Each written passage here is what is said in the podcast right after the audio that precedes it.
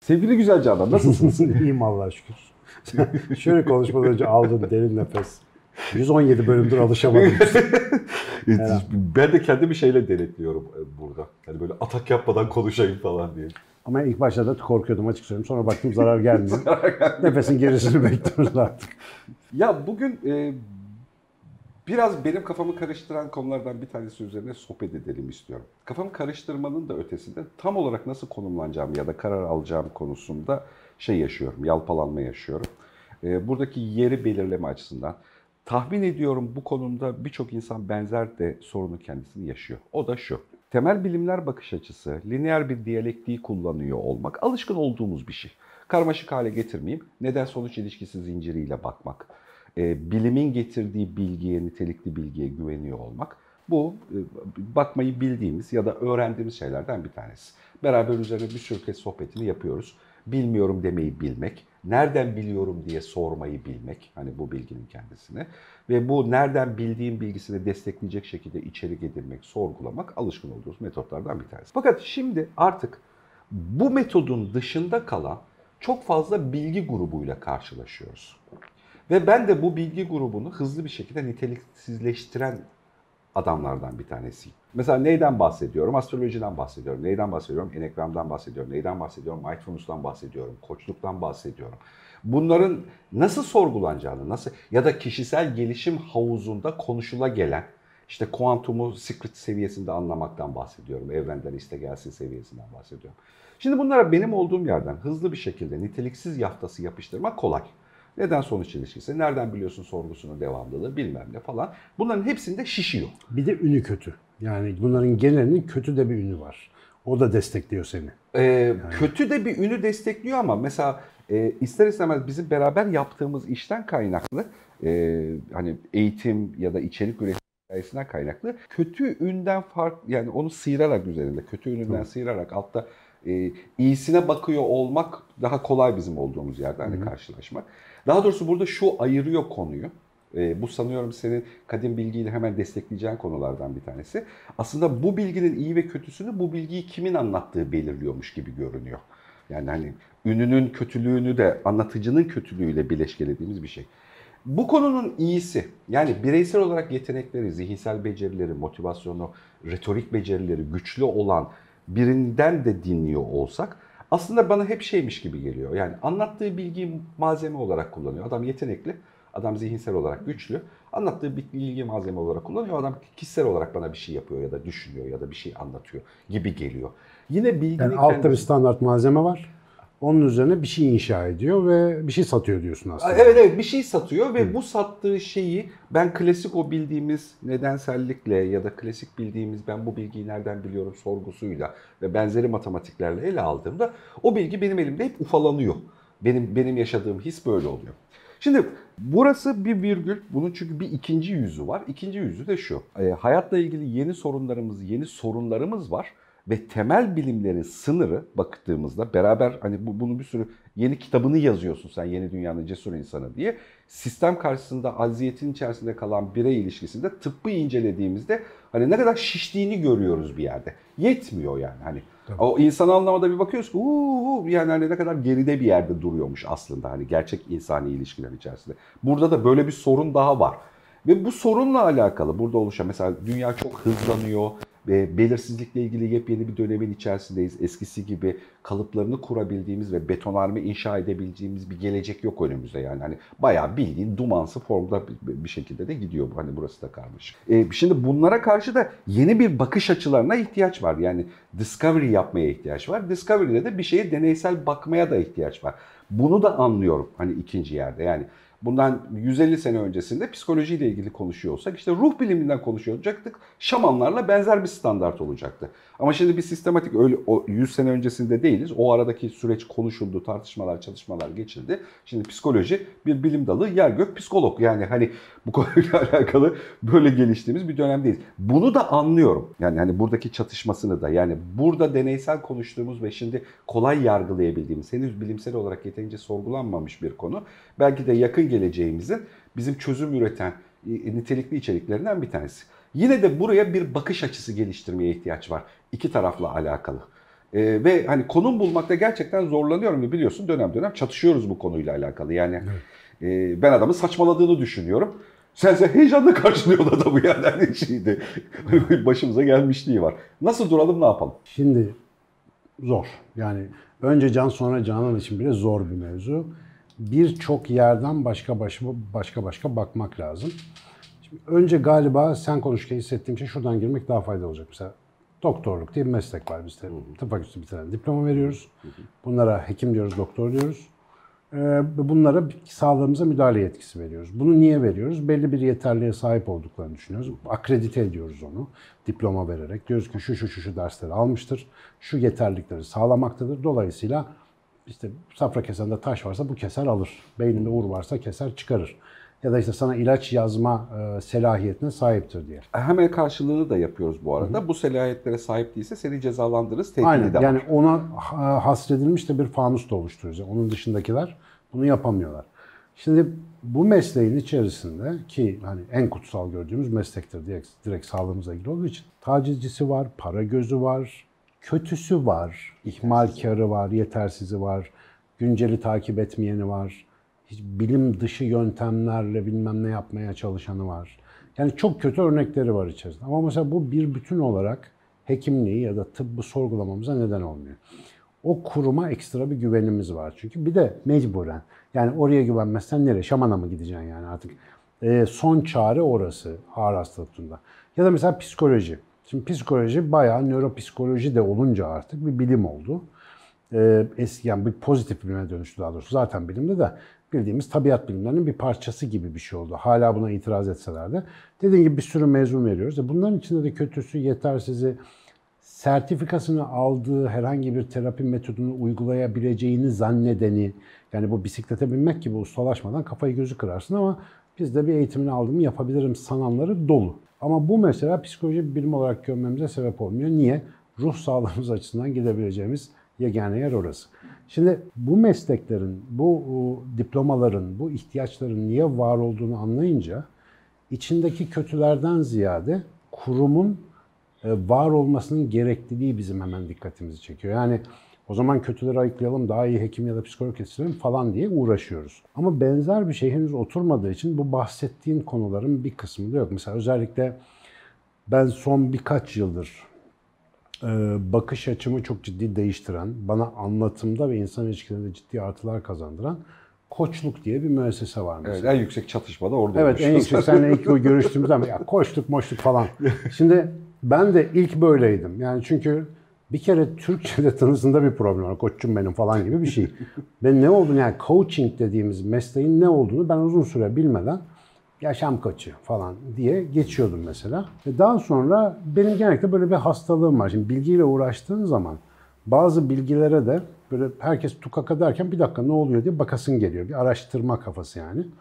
Ve baktığımda bunun gayet dünyada bir ihtiyaca binaen tesis edilmiş, planlanmış, yapılmış ve mesleki ilkeleri son derece sıkı bir biçimde federasyonlar falan tarafından denetlenen e, işte bir nasıl diyelim yönergelere falan bağlanmış bir meslek olduğunu gördüm. Bir alan burası. Dedim ne oluyor burada? Hangi ihtiyaca binaen? Kalabalıklaşmış, şehirleşmiş bir sosyal topluluk eski dost bilge sohbeti yeteneğini kaybettiği için bilge sohbetinin kendi içindeki kayıp yolları gösterebilme becerisini formülize ettikleri bir yöntemmiş koçluk. Farklı farklı ekollerde koç diye sertifikalandırılan, bu eğitim verilen insanların o algoritmaları ya da yöntemleri takip ederek kendisine danışan gelen kişinin ya da müşterinin e, kendi içindeki olası yolları bulabilmesine e, yardımcı olma. Mesela rehber olma değil, yardımcı olma gibi bir kafaymış. Şimdi ben bunu öğrendiğim zaman çok basit bir soru sordum. Etraftan bana püskürdüler resmen. Dedim ki koçluk kürsüsü neden psikoloji bölümlerinin içinde değil? Roha diye millet bir ayaklandı. Yalnız bunu kime söylesem? Koçu da ama daha çok psikoloğu. Ve özellikle tanıdığım bildiğim psikolog arkadaşlar çok sinirlendiler buna. Ha dedim burada bir durum var. Ve konu çok açık oldu benim için. Psikoloji aynen tıp gibi sadece hastalıkla uğraştığından ağırlıklı olarak sağlıklı insanın yaşamına hiç ilgi göstermiyormuş meğersem. Ama bizim sağlıklı normal yaşarken daha üst, daha iyi bir performansla yaşama gibi bir derdimiz var. E bunun için akıl arıyoruz. E bunun için kime gideceğiz? Psikoloğa gidiyorsun. Senin bir şeyin yok diye gönderiyor. Doktora gidiyorsun. Sağlamsın diye gönderiyor. Ama ben bu hayata daha iyi yaşamak istiyorum. Yani tıp, psikoloji gibi alanlar insanı bütüncül bir varlık, farklı ihtiyaçları olan bir entite olarak göremedikleri, onun sadece bozukluklarıyla ilgilendikleri için normal hayat boşta kalmış. Ve bu normal hayatı daha iyi performansla yaşamak için de birileri oturmuş. Bu arada mesela koçluk denen şeyin biraz derinine girince işte Erikson, Adler, Gestalt falan gibi ekolleri olduğunu gördüm ben. Bunların hepsi psikoloji ekolleri. Yani psikolojinin kurucu babaları bunlar. Erikson, Adler bunlar onların isimleri. Onların fikirleri ve üzerine eklenmiş yöntemlerle şekillendirilmiş bir mesleki sistem var. Bu mesleki sistemin öbür tarafında çok sıkı bir denetlemesi var. Baya baya yani herhangi bir koçluk okuluna işte gidip kaydolup eğitim alman yetmiyor. O seni standart bir koç yapıyor ama bu yani pratisyen hekimlik kadar bile etkisi olan bir şey değil. Sonra çok uzun süreler, birçok yüzlerce seans koçluk yaptığını falan belgeleyip, süpervizyonlar alıp yani denetimlerden geçip belli bir rüştünü ispat ettikten sonra da 2-3 aşama işte ACC, PCC, MCCD falan diye giden e, uluslararası geçerli olan bir takım safhalandırmalar var. Şimdi buna baktığında ben çok net bir itirafta bulunmak zorunda kaldım. Ben bu ciddiyeti birçok üniversitede görmedim. Şimdi dedim ki burada ne oluyor? Ve dünyadaki bu işin uygulanış açısına baktım ve ülkede bu durum niye böyle diye bakınca aynen her iş kolunda olduğu gibi koçluğunda canına ot tıkamak için elimizden geleni yaptığımızı, yaptığımızı fark ettim. Mesela hayatta tutunamamakla ilgili sorunu olan birçok insanın, bunu çok net açık söyleyeceğim, hayatının bir yerinde aa koştuk diye bir şey varmış. Psikolojiye başlayan birçok öğrencide şöyle bir motivasyon vardır ya, benim şöyle sorunlarım vardı, işte onları çözmek için ben psikoloji.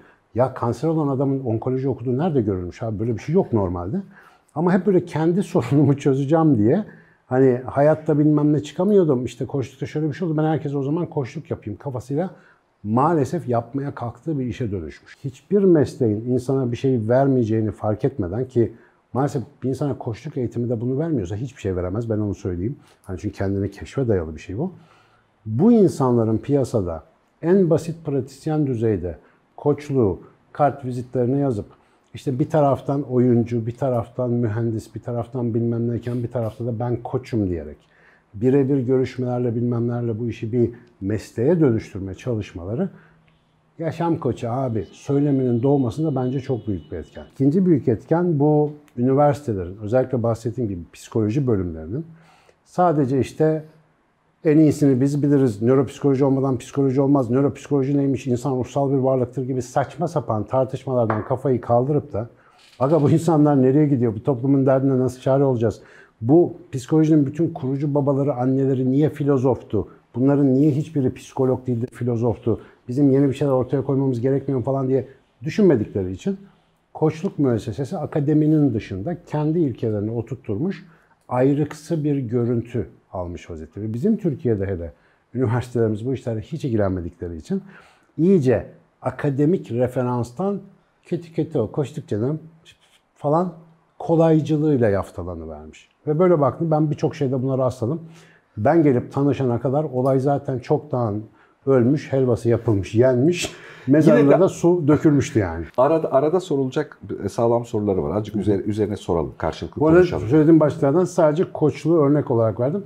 Diğer başlıkları ayrıca konuşuruz. Evet, evet zaten adım adım da konuşalım bu arada. Yani buna bir bakış açısı da edinmek gerekiyor. Çünkü bunun bir yandan yeni tarafı bir yandan da manipülatif tarafı var falan. Aynen.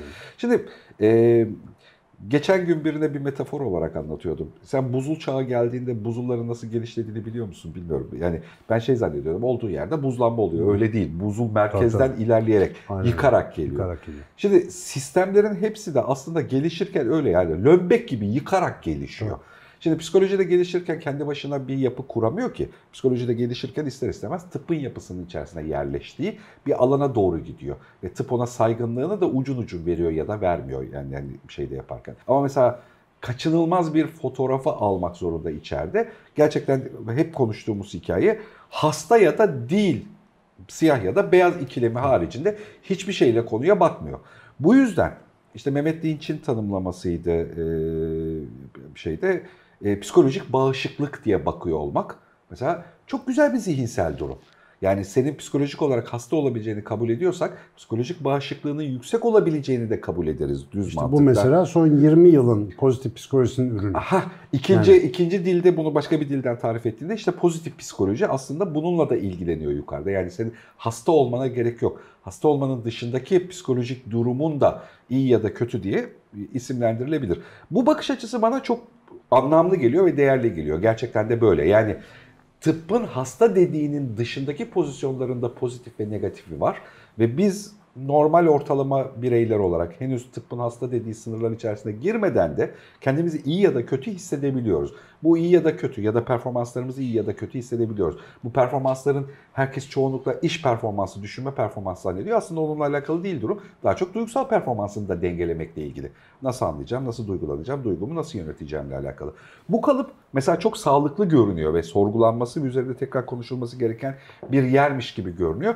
Bu kalıp yeterince büyürse şu tıbbın her şeye hastalıkla bakıyor olma pozisyonunda da yani çocuğu sen 1 milyon kişinin katıldığı sınava sok stresleniyor diye hasta de. Bu mallık yani hani bu bir şeydeki hali yani hani var mı böyle bir şey yani rahatsız edici bir fotoğraf sonra ona hasta de çocuk yani yüksek stresi yüklenip tuvaletin altına kaçırdığı için ona hasta de. Bu hani buna böyle bakmamak gerekiyor. Buna başka bir yerden bakmak gerekiyor hikayesi ya da geçen gün kadın doğumcuyla konuştuk. Yani doğum hastalık değil. Doğru yani hani bu öyle öyle bir şey değil. Yaşlılık hastalık değil, doğum hastalık değil. Ha doğum yani hastalık e, e, bravo ama yani tıbbi olarak öyle bakınca böyle bir fotoğraf doğuruyor. Bunu buraya koyuyorum e, şeyde. Bir de bunun madalyonun bir ikinci tarafı daha var. Hep bugün dualist konuşuyoruz hani konunun içerisinde. Bir tanesini sen aradan söyledin yani hani bu konuda ne kadar toplumun Discovery grubunda insan varsa kimliğini oturtmakta ya da yapıda bu tarz yeni şeylerle ilgileniyor oluyor ya da hızlı bir şekilde O. burada oluyor. Ama bir taraftan da şöyle bir şey oluşuyor. Bu işin pozitif negatifi varsa hasta sınırımızın üzerindeyiz. Bu şöyle bir şey oluyor. Negatiften pozitife yönlendirebildiğimiz gibi pozitiften negatife de yönlendirebiliriz oluyor o Tabii zaman. ki. Yani kendi içerisindeki artı eksi değerlerinde oynayabiliriz. Ve bunun denetimi her ne kadar kendi içinde sertifikasyon ekonomisi oluşturduysa da hani bu kimse tarafından denetlenir ya da kimse kimseyi bana koçluk tedavisinde şunu yaptılar diye bir yerde dava edebilir durumda değil. Ya da tanımlanabilir durumda değil. Aslında edebilir ama yani Teorik. koçluğu dava edemez. Kişiyi dava edebilir. Taciz etti, bilmem yanlış yönlendi, zarara soktu falan diyebilir. İşte üniversite bununla ilgilenmediği için mesela bu bir bilgi alanı olarak da e, bir tarif mekanizması olarak da bilginin içine alınamıyor. Ama sana şunu söyleyeyim. Bir 2-3 sene önce üniversitelerde öğrenci koçluğu sistemi olsun dediğim için bayağı bir sık ki hani beni çok sever arkadaşlar öyle çok direkt girmediler bana ama yani, yani hepsi olur da halıya da böyle yapılmaz ki gibi baktılar bana anlatabiliyor muyum? Şimdi bu özellikle Covid döneminde ki daha önce ben bunu çok deneyimledim. Koçluğu öğrenene kadar ben öğrencilerle ne yaptığımı bilmiyordum. Koçluğu öğrendim ben öğrenci koçluğu yapıyormuşum. Çünkü bak öğrencinin durumuna bak. Covid gibi kriz dönemlerinde özellikle çocuğun önünde bir takım görevler var, sınavlar var, takip etmesi gereken dersler var, bir rutini var. Ona yetişip yetişememekle ilgili sürekli bir kavga halinde. Arada durup da hiç kimse arkadaş sen nasıl hissediyorsun? Burada en çok sıkıntı çektiğin konu ne? Nasıl olsun isterdin? Bunları hiç sormuyor mesela. Çocuk da böyle bir şey sorabileceği aklına bile gelmiyor. Mesela öğrenci koçu olsa üniversitelerde kadrolu bildiğin üniversitenin finanse ettiği ya sorun yaşayan çıkmaza giren öğrencinin oraya gitme alışkanlığı olursa çocuk oturacak yarım saat bir saat koçla sadece muhabbet edecek. Koç ona sormayı akıl edemediği soruları sordurtturacak. Ya da soracak. Diyecek ki sence nasıl olsun peki? Diyelim bir hocadan şikayet ediyor. Ne yapsa mutlu olurdun? Koşu bundan ibaret. Ve o çocuk bir anda lan hakikaten ben bunu niye hiç böyle düşünmedim diye böyle bir lamba gibi aydınlanarak oradan çıkıp gidecek. Ve birçok öğrencinin sorununu biz bunalıma, derde, ülsere, kariyer e, Hasta terkine olmasına, evet. ve kari- hayatı değiştirmeye varmadan çözebilirdik biz. Şimdi koçluk hayatta da böyle bir işe yarıyor. Ustası tarafından bilgece yapıldığı takdirde her araç gibi çok işe yarıyor. Bıçağı kullanmakla aynı şeydir koçluğu kullanmak. Yani elinizde bir araç var, gidip komşunun karnına da sokabilirsin. Güzelce ince ince dilimleyerek. Neydi o? Jülyen dilimlenmiş et parçaları da oluşturabilirsin. Jülyen. Pandemi sürecinin bana öğrettiği jülyen kesme falan. Şimdi Bu meslek grubunun bu zamanki hali çok geçiş hali bence. Özellikle Türkiye açısından söylüyorum. Dünyada tamamen oturmuş bir meslek. Gayet saygın. Hiçbir sıkıntısı yok. Bizim ülkemizde kafada taşlar yerine oturmuyor. Bizde akademi bile yerine oturmadığı için herkes birbirine bir yafta yapıştırmak peşinde. Ve mesela koçluk dediğin müessesede aslında insanın iyi oluşuyla ilgili çok önemli bir kısım var. Bu kısmı psikoloji geç fark edip arkadan koştura koştura pozitif psikoloji diye bir alan açıyor. Ve işin garibi ne biliyor musun? Psikologların önemli bir kısmı pozitif psikoloji sallamıyor, kale almıyor. Ya adam var ya hasta olmadı mı tatmin olmuyor. Yani illa bir hastalık olacak işin içine. Çünkü indirgemeci bilimin çok arızalı bir şeyi vardır. Yani parçaları böyle üst üste parça parça anlarsın, onları üst üste ekleyip de bütünü anlamaya çalışırsın. Ve bu bir mekanik algı yaratır insanda. Mekanizma iyi çalışmadığı zaman hızla düzeltilmesi gerekir. Normaller, standartlar, istatistik ortalamalar o yüzden bilimle önemlidir. Senin mesela şimdi kan tahlili yaptır, falanca değerin ortalamanın %30 üstünde çıksın, alarm, hemen yatıralım, keselim, ilaç başlayalım. İşte tansiyondur, şekerdir, trigliserittir, bu hep böyle bir değerde çıkması beklenir. Ama canlıların kendisi dalgalıdır abi, kaotiktir. Yani böyle normal değerlerle çalışmaz. Bizim sağlığımız da mesela ben bugün sağlıklıyım ama yarın değilim ama bir sonraki gün muhtemelen sağlıklıyım. Hatta evvelki günden daha sağlıklı olabilirim.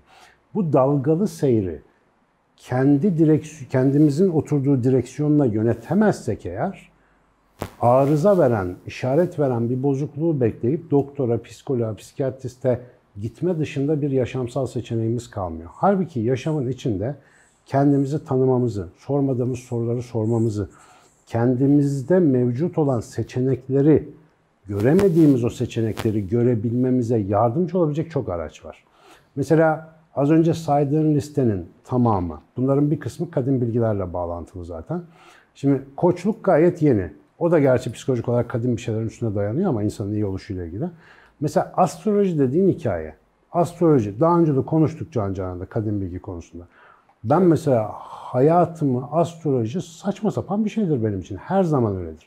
Bugün de ana akım medyadaki bütün uygulamaları saçma sapandır. Çünkü eski, eski saçma sapanlığın da şimdi farklı yalnız. Eskiden astroloji neymiş abi diye standart bilim eğitimi almış çocuk söyleme. Var ya bu şüpheciyim ben.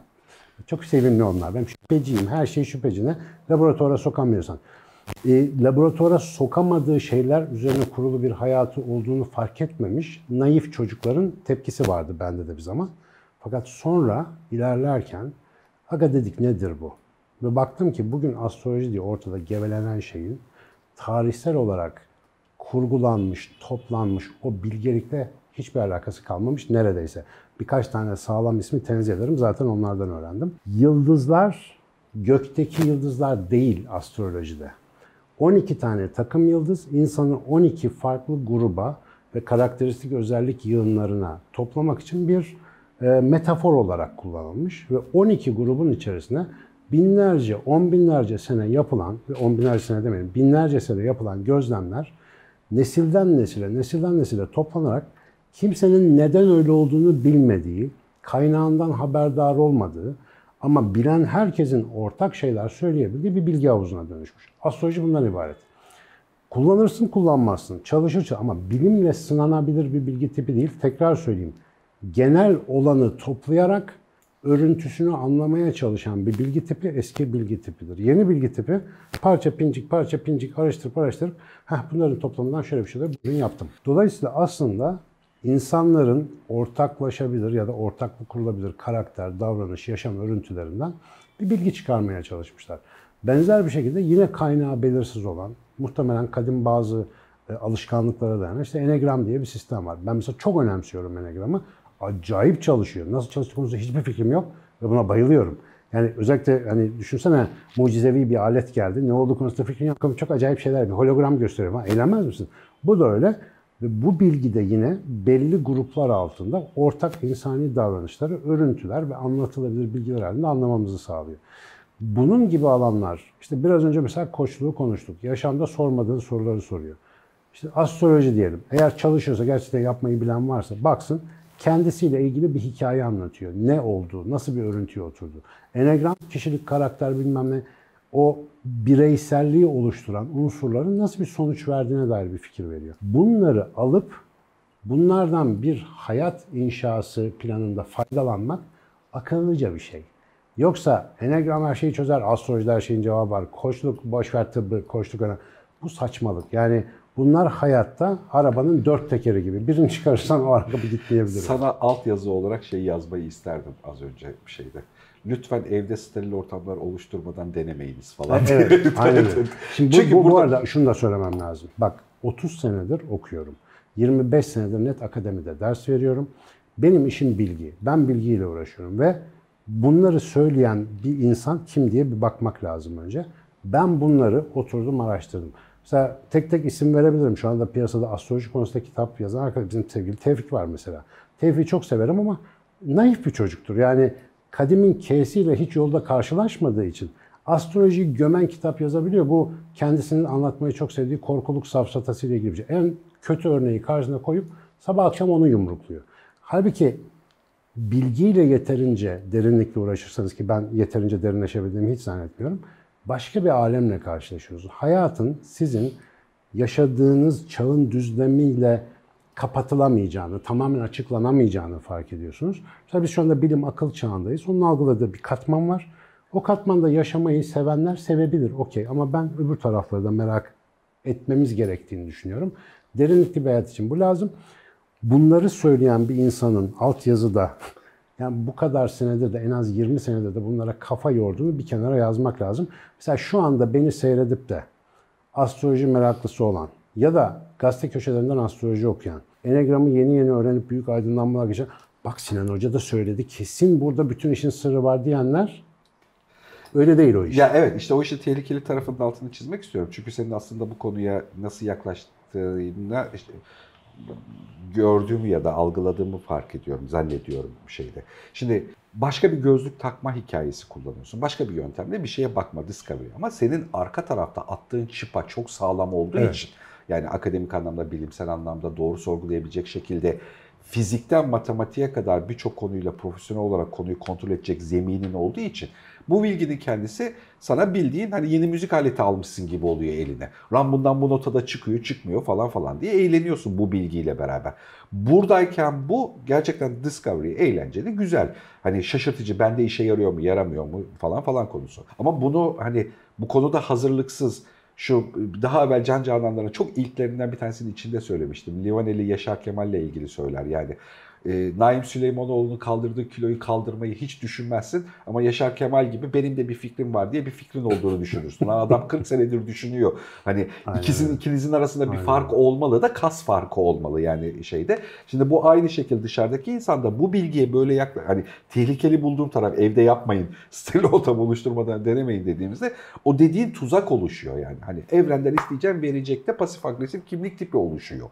Yani hani başka bir yerde ya da işte astrolojiyle alakalı kocasıyla akşamleyin kaygılı hani rüyasında kocası kendisini aldatmışını görüp kavga çıkaran kadın fotoğrafı oluşuyor.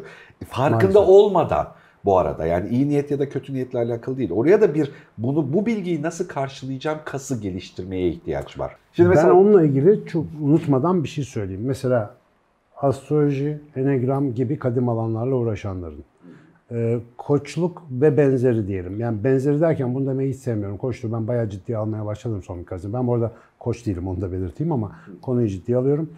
Diğer uygulama alanları diyelim. Bu işte kuantum ha, Şimdi mesela bak bu az önceki söylediğin şey çok önemli. Şimdi sen mesela koç değilsin. Ve koç olup da koçluk üzerinden Aynen. ekonomi, statü bilmem ne almaya hiç şekilde. niyetin yok ömrün Aynen. boyunca. Yine de bu konuyla konu konu seviyesinde ilgileniyor. Valla birçok koçtan kavgasını daha çok ben yapmış olabilirim yani. Şimdi bu konuyla ilgileniyorsun. Şimdi bak bunu zihinsel olarak anlamak spesifik. Ben şimdi başka hiç kimse böyle olduğunu bu, bu biçimde ya da bu formatta yaklaşan biriyle en azından bireysel olarak karşılaşmadım. Bu şimdi senin özel durumun. Yani sen bir başka bilgi grubunda bilgiyi anlama, geliştirme açısından değişik bir şey bulduğunda gayet discovery, keşifçi bir zihinle kazıyorsun, ilgileniyorsun. Bunu nasıl yaptığını görüyorum ama senin bakış açın burada spesifik alıyor. Bu de, bir de bunun gerçekten ikinci bir yüzü daha var ki evde kullanmayın diye şakasını yaptığımız mevzu o. Oradaki bilginin kendisini yaşamını iyileştirmek için bir şey için kullanmaya çalışan insan tipi gerçekten çok sisteme zarar veren, kendisine zarar veren bir sonuçta ele alabiliyor. Ve bu hani en sevmediğimiz, kendini pasifize eden komple teorileriyle benzer bir şeye karşılık geliyor astroloji ya da enegram. Yani onu oradan çözmeye çalışıyor. Şimdi o yüzden hani buna defans veriyorken masada yani e, kişisel olarak seninle bunu sope enegramı ya daha sonra mesela şunu hep başından beri eğlenceli bulurum. Astrolojinin içerisindeki verdiği bilginin ne işe yaradığı konusunda hiçbir fikrim yok. Ama astroloji bir konuda işliyor. O da şu. Biz masada duygu konuşmayı bilmeyiz. Astroloji duygu konuşmayı kolaylaştırıyor. Aynen öyle. Yani bu, bu matematiksel bir karşılığı var ve bunu hani o yüzden astrolojiyle alakalı içerikte kesinlikle inançsal bir bağım yok. Ama masada işlediğini bilir ve kullanırım. Karşıdaki kendi duygusal tarafını anlatmasıyla alakalı bir pratik sağlar. Biz koçlar falan. evet biz koç burçları böyle yaparız. Ya balık burcuyum ben de duygusal bakarım biliyorsun falan. Hani mesela bu cümleyi söylemeyi kolaylaştırıyor. Şey gibi eskiden işte Konya'da Merkez Camii'nin yanında oturuyoruz. Aa siz de mi oralısın falan. Nerelisin hani hikayesi. O işe yarıyordu. Şimdi böyle bir dönemde işe yarıyor. Ama bunun ötesinde aşağı inip de ben balık burcuyum yarın ne yapacağım ya da işte bu ayım nasıl geçecek falan diye baktık. İşte hastalıklı bir bölüm başlıyor arka tarafta. Bu bizi hasta etmeye giden bir yol. Yani hani başka bir metot belirliyor. Ya da işte mesela enegramla ilgili karşılaştığımız mevzuda yani Enagram gerçekten şaşırtıcı biçimde, beni de şaşırtacak biçimde tanımlamalar oluşturabiliyor. Harika ama her tanımlama kalıp bir sınırlar aşmayı konuşuyoruz. Yani hani yöntemsel olarak başta bunun bu iş için değil, bu iş için olduğunu ayırt etmezsek eğer işte yani mesela, Enneagram bize hı. yani hani, o zaman şöyle demeye başlıyorum. Abi sen yedisin, senin sınırın bu eğlence. İşte o yüzden bana bak mesela şu cümleyi kullanayım benden 3 ay tiksinirsin yani Aynen şeylerle. öyle tabii ki. tamam. Abi ya sen mesela, yedisin ya. Bundan yani buna bu daha da fazla işte bakmazsın. Bunu niye biz banda alalım istiyorum ben? Neden Mehmet'in bu yaptığı işin bizim mütemmin cüzümüz, parçamız olmasını istiyorum? Sınırını aşmak için sınırını bilmen lazım. Göreceksin ki aşasın.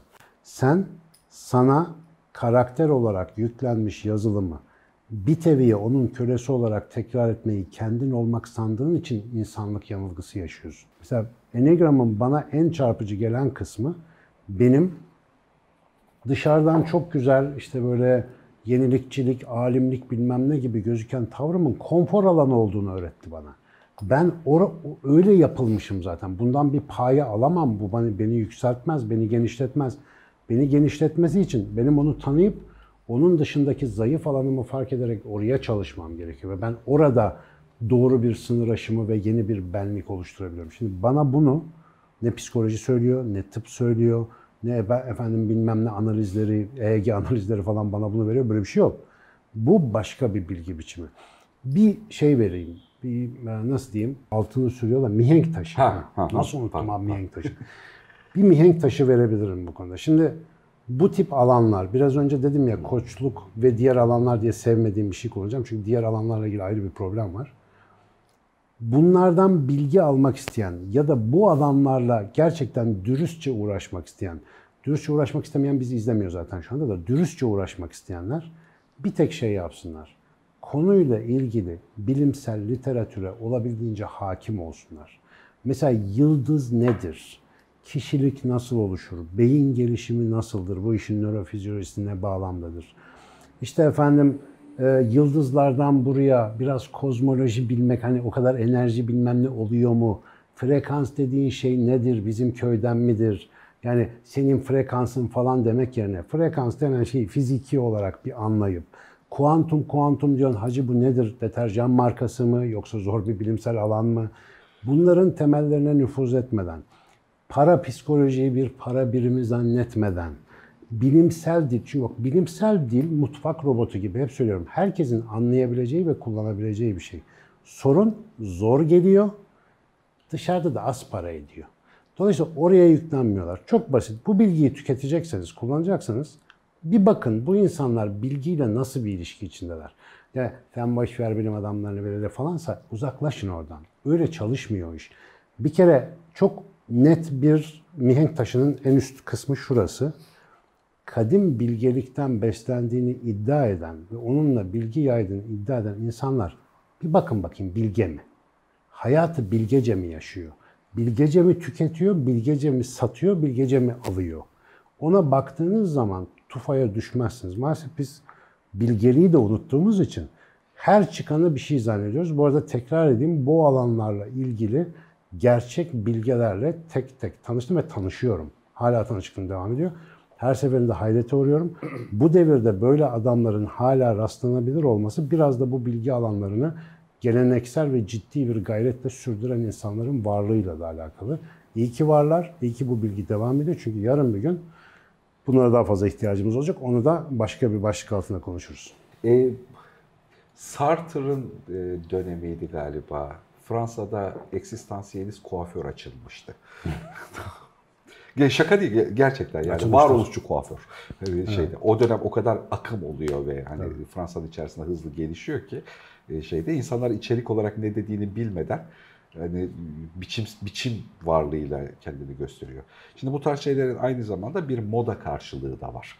Hani Unutma bilimin de böyle bir moda karşılığı var. kaçınılmaz bir şekilde Şu anda ağzında bilimsel olarak sözü gezen insanların %99 onun ne demek olduğunu bilmiyor. Çok hemfikirim seninle. Yani yöntemsel olarak başka bir şey ama yani modanın zaten kaçınılmaz herkesi kapsayan böyle bir bölümü var.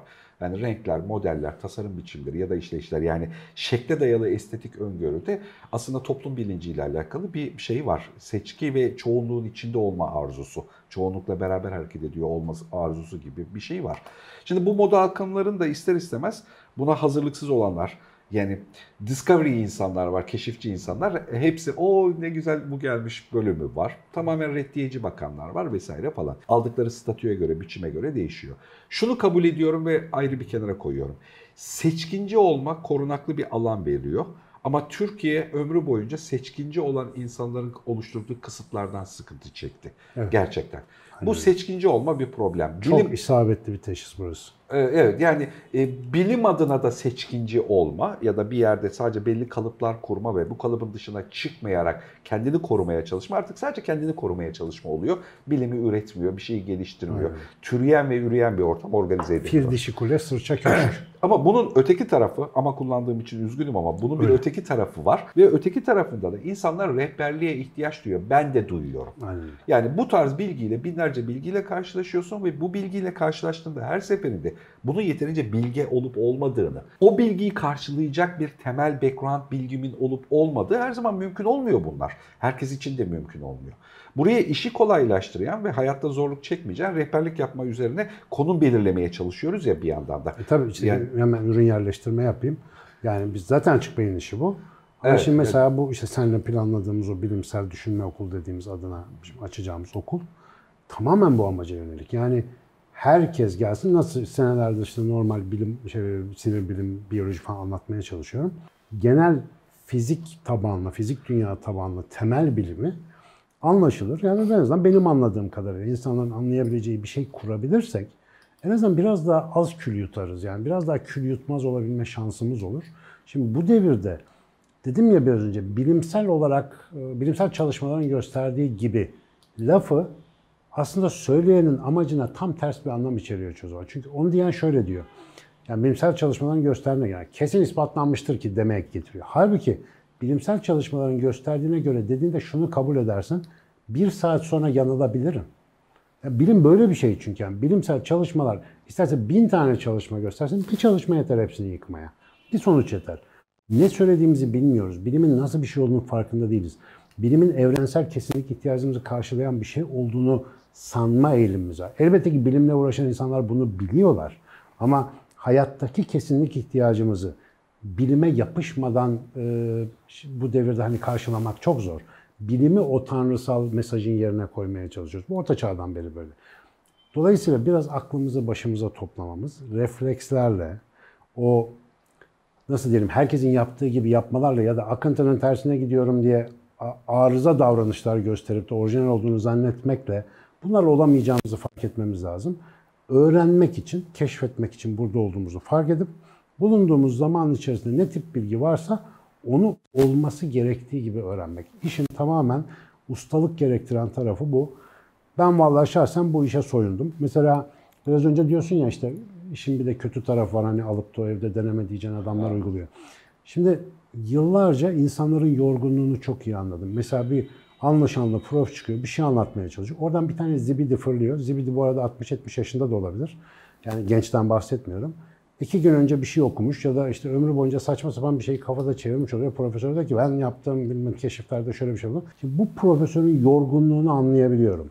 İçi geçiyor ya da adam felsefe, senelerce felsefe yapmış. Biri geliyor benim de fikrim var. Ya Bitiyorsun. sakız orucu bozar mı işte hocam? Yani İçin eriyor anlatabiliyor muyum? İçin çekiliyor böyle. Şimdi ben buna karşı güçlü olduğumu fark ettim. Ben mesela insanların içindeki potansiyeli görmeye çalışıyorum. Ve buna baktığım zaman da potansiyeli olan çok insanla tanışabiliyorum. Ama sap çöp çok insan var. Yani ya onlar şöyle öz olarak öyle değiller ama o içinden geçtikleri dönemde yani bir yere tutunamıyorlar. Yani yanlış bir yerde duruyorlar. hala kötü bakamıyorsun değil mi? Bakamıyorum çünkü abi ben de öyleydim ya. Ben görevimi yaparsam bu savrulanlar niyet eden oraya yapışıp bir trene binip bir mesafe alabilecekler. Ve ben bu yorgunluğu niye yaşamıyorum, öbürleri gibi niye içim geçmiyor diye baktım. Enegram'da öğrendim. Benim olayım buymuş. Yani ben insanlara böyle bakabilecek bir inşaata sahibmişim. Dolayısıyla bu benim meziyetim falan değil. Benim meziyetim bunun üstüne bir şey koyabilirsem olacak. Dolayısıyla biz mesela burada seni de e, o yönde ne kadar hani tartışsak falan da en büyük müttefiklerden birisi olarak görüyorum. Çünkü ikna olduğun şeyi yapıyorsun. Yani evet diyorsun bu böyle ve mesela fikrin değişiyor. Ben benim de en sevdiğim özelliğim odur. Bir şeye ikna olursam fikrim değişir. Evet. Bu yolda inşa ederek gittiğimiz bir fener oluşturmak zorundayız. Çünkü bu bilgi alanlarının tamamı daha da çok gündeme gelecek. Bilimin kısıtlılıkları bizi daha çok çıkmaza sokacak. Ve o zaman büyük birleştirilmiş zihinler, büyük birleştirici zihinler bize bir şey söylemek istediği zaman bu bilgi alanlarını doğru düz kullanabiliyor olmaları ve onların söylediği bilgiyi de anlayacak bir topluluk lazım. Dolayısıyla biz aslında bunu inşa etme gayreti içindeyiz diye düşünüyorum. Böyle de eylemlerimiz devam edecek. Açık beyinde mesela beni iki tarafta da şaşırtan bir şeydir. Yani açık beyinde bize yani bizimle beraber konuşmaya, sohbete katılan, pozisyonlanan, izleyen insanların potansiyeli beni her seferinde şaşırtıyor. Yani hani gelen yorumların tipine bakıyorsun, kalitesine bakıyorsun, insanların sorduğu biçime, kaliteye Aynen. bakıyorsun. Yani bazen açık beyin ofiste insanlar geliyor, sohbet ediyor, sorduğu soruya bakıyorsun. Gayet keşifçi falan yani. Şey. İpek ne dedi ilk geldiği haftalarda sosyal medyada? E, vallahi de buradaki etkileşim çok kalite dedi ya. Boş yok dedi yani. Ya, evet, evet. İşte Birçok site yönetmiş birisi için mesela Tabii. buradaki kitle artık hakikaten enteresan. Enteresan. Yani gerçekten beni her seferinde de şaşırtmaya da devam ediyor. Yani insanların başka insanlara ve coğrafyaya bakış açısındaki pozitiflik, zihinsel durum, duygusal bakış ve ödev yapma, yani bilek gücüne sahip olma hali şaşırtıyor. E, bir de bunun ikinci tarafı var. Hani galiba işte eğitmen vasfının piyasada olma hikayesi yani eğitmen pozisyonlanması. O da şunu çok sıklıkla görüyorum. Az önceki konuların birçoğunun değerini tonu- konumlayamamayla da alakalı. Yani ömrü boyunca sadece 4 ay bir şeye ayırmış ve bunun eğitimini verebileceğini öngörüyor. Tamam mı? Ağzın bal yesin. yani ya da işte hani bu kalıba kızıyorsun ama söyleyeceğim şey de yani bir travma ve travma sonrası duygusal gelişim Öyle, yaşamış. yani kızmıyorum. Bunun, ha, Böyle söyleyince ayıp oluyor. bunun eğitimini vereceğini düşünüyor. Hayır, bundan olgunluk yaşıyor olmasını takdirle karşılayıp yapabilirsin ama bunun eğitimini vereceğini düşünüyor olma bu bir şey ya yani bu bir kötü kalıp bir şey. Çok kötü bir kalıp abi. Evet. Bir de ya bunu bana söylemeleri öyle kötü ki. Ya şundan kötü. Onlar tabi bilemezler bunu ama 15 sene neredeyse ders anlatıp ilk defa public konferans diye bir konuşma yapacağı zaman halk önünde panik ataktan ölmek üzere hisseden bir adama söylüyorlar bunu. Ulan 15 sene anlattım ben. Sonra zor bela karar verdim oraya çıkmaya. Ya bu bahsettiğin konunun ne kadar böyle miras yedi, ne kadar bir sonradan görme bir görüntü verdiğini insanlar yakalayamıyor. Ama bizim görevimiz tek tek bunu işte öyle olmaz falan demek de değil. Bunun örneğini göstermek. Bugün daha sabah bir yazışma e, yaptık Güneş'inle beraber işte gelen mail gönderdi falan. Mesela bir, birkaç arkadaşımız biz de çok alıyoruz öyle mailler. Sizin görevlerinizi çok destekliyorum işte sizi takip ediyorum. Ben de şunu anlatmak istiyorum. Niye? Yani niye burada? Niye mesela şimdiye kadar başka bir yerde anlatmadın da niye burada anlatmak istiyorsun? Nereden geldi bu aşk? Ve nasıl daha önce bunu yapmadım ama yapabileceğimi hissediyorum. Evet içimde bir güç var. var. bu iş öyle çalışmıyor yu göstereceğiz. Yani biz mesela burada şimdi lafı geçip bunu bile aslında biraz şey buldum. Ben bizim en sert can canan konularından birisi gibi hissediyorum şu anda. Çünkü böyle yazan insanın böyle bir şey gönderirsen iyi bir niyetle yazdığını biliyorum. Ama şunun da bilinmesi lazım ki insanların karşısına hele ki bir çatı altında çıkmak ciddi bir sorumluluk. Ben sabahlara kadar bazen bir sunumumu hala 200 300. kez anlattığım sunumu sabahlara kadar modifiye edip değiştiriyorsam bu bir sorumlulukla ilgili ve insanlara yansıyan da bu. Sadece çok konuşan bir adam, iyi konuşan bir adam değil. Senelerdir, 20 yıldır anlatmak istediğim bir şeyi anlattığım için çalışıyor.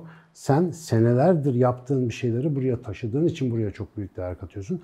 Ve bütün ekip de böyle. Yani kapıdan giren herkese bir sahne verip konuşturmayı ben de çok isterdim. O zaman burası ne olurdu? Üniversite. o dava yemeyelim Abi üniversite. yersene daha böyle. Diplomayı alan girmiyor mu kürsüye? Bu adam ders anlatabiliyor mu? Hitabeti var mı? insana saygılı mı? Seviyor mu? Kimse soruyor mu? Evet, evet. Hasbel kadar akademisyen olursun. Bir de buraya olursun. bir kalıbı daha eklemek istiyorum. Yani bunu zihinsel olarak birilerini kötülemek adına değil, bu kalıbı üzerinde fark etmek adına. Yani işte özellikle 40'lı yaşlar civarına kadar gelmiş, sadece 40 yıl yaşadığı için bundan sonra benim konuşmam lazım diyen de mesela. Hani benim anlatacaklarım var. Evet. Neden? Çünkü 40 yıl yaşadım. Abi yani birçok insan mesela biz mesela bir sürü insan 40 yıl yaşadı. Niye? 65 yıllık sandalyem var diye konuyu hemen onunla bağlayacağız. tamam. Ya şimdi bu bir trajedi oluşturuyor arka tarafta. Burada anlatılacak öyküler tarafında. Yani işte orijinal bir bilgiye sahip olma. Gerçekten o bilgiyle alakalı 360 derece düşünmüş, çalışmış, emek sarf etmiş, kasa taşımış olma gerekiyor ki hani orası dolu bir şey, bir şey sorgulanır şekilde anlatılıyor olsun. Yoksa bilgiyle alakalı böyle çalışılmış hemen her bilgi bu az önceki sohbetimizin en başındaki hikayeye gönderme. Yani kişisel olarak seni zaten yeterli kılıyor. Elindeki bilgi artık nesneye dönüşüyor. Sen Aynen. aslında bilgece davranıyor oluyorsun. O yüzden senden zarar oluşma olasılığı çok düşüyor. Ama öteki türlü aslında zarar verici olabiliyoruz. Ya da bu bilgiyi tüketiyorsak farkında olmadan Hani biz dışarıdaki izleyiciysek bu bilgilerin birçoğu gerçekten o yüzden altyazı geçelim aman evde steril ortam olmadan kullanmayın. Zarar verici oluyor. Aynen öyle. Yani ve çoğunluğu da insanları bizim en istemediğimiz hani konuşurken beraber pozisyonlarken kendimiz için en istemediğimiz fotoğrafa gönderiyor. Pasif agresif olduğu yerde dur kımıldama bilgisi veriyor.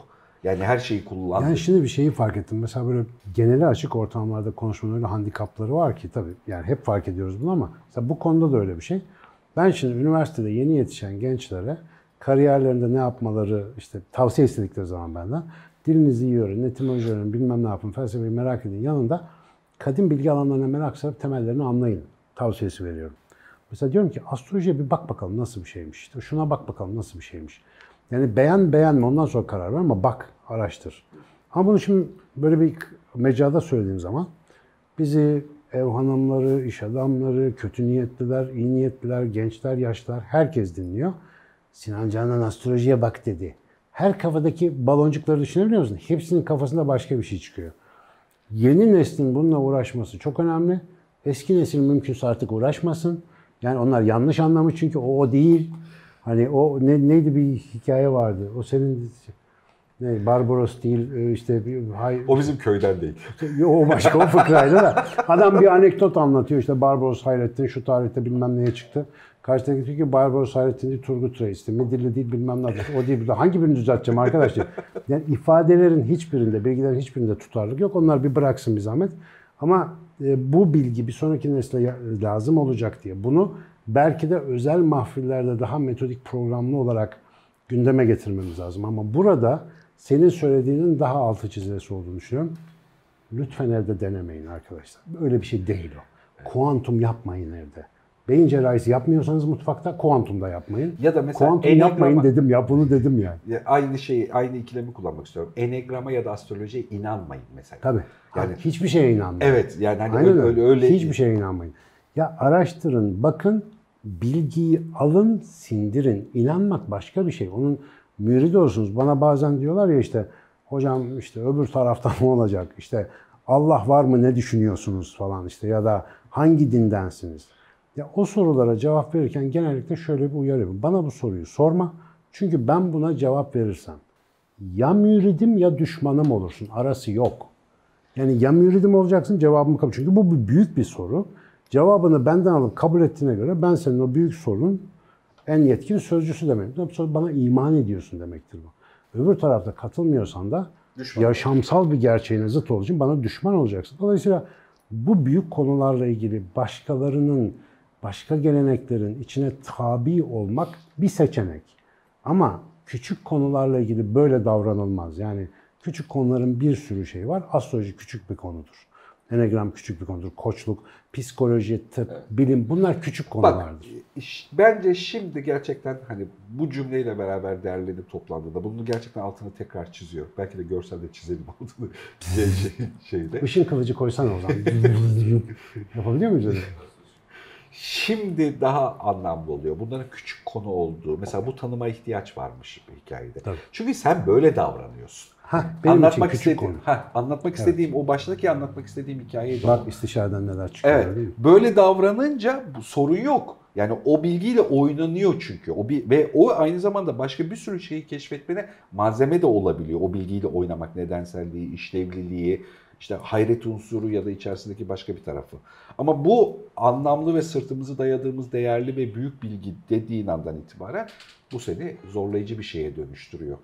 Ee, Daha doğrusu kesinlikle hatalı bir şeye dönüştürüyor. Çoğunlukla insanlarda kaygı duyduğumuz şey o yani. Hani evde yapmayın hikayesini geyini o yüzden. Şu bardağın bana uyguladığı kütle çekim ya da gravitasyon kuvvetinin devasa Sirius yıldız kümesinden çok daha büyük olduğunu fark ettiğinde astroloji bir anda berhava olur kafanda. Ama insan odur ki bir dakika abi madem öyle bunlar nereden çıkıyor sorusunu sormaya devam eder. Plastikten yapılmış muzun plastik olduğunu anladığı anda atıp giden maymundan farkımız budur. Aa plastikmiş lan o zaman devam normal. Bu plastik muzu bana niye verdiler? Bunun anlamı ne sorusu? Yani bu bardak bana daha fazla gravitasyon uyguluyorsa bu yıldız hikayesi bu zamana kadar nasıl geldi arkadaş sorusunu soramamak insaniyetten eksikliktir. Çünkü bu konuyu çok büyük bir şey zannetmektir. Bu konu teknik bir soru. Anlarsınız. Ha sonra kullanırsınız, beğenirsiniz, beğenmezsiniz ama onu e, maalesef daha çok anlatacağız Mustafa. Bir anlatmakla bunu çözebileceğimizi zannetmiyorum. Konu bizim konumuz değil. Bu konuların hiçbirisi bizim ana konumuz değil. Ne koçuz, ne astroloğuz. Yani enegram desteği sevgili Mehmet'ten alıyoruz ama ikimiz de hakim değiliz enegram işine. Ya da kuantum iyileşme, teta healing hemen hemen hepsini denedim. Hiçbirini bilmem nasıl yapıldığını. Bu arada bir kısmı da bende hiç çalışmadı. Ama bunların hepsi ilginç. Bu kadar. İlginç şeyler de buradan gitmeden hayatı renklendiren güzel şeylerdir. Evet güzel derleme toplu oldu. Teşekkür ediyorum.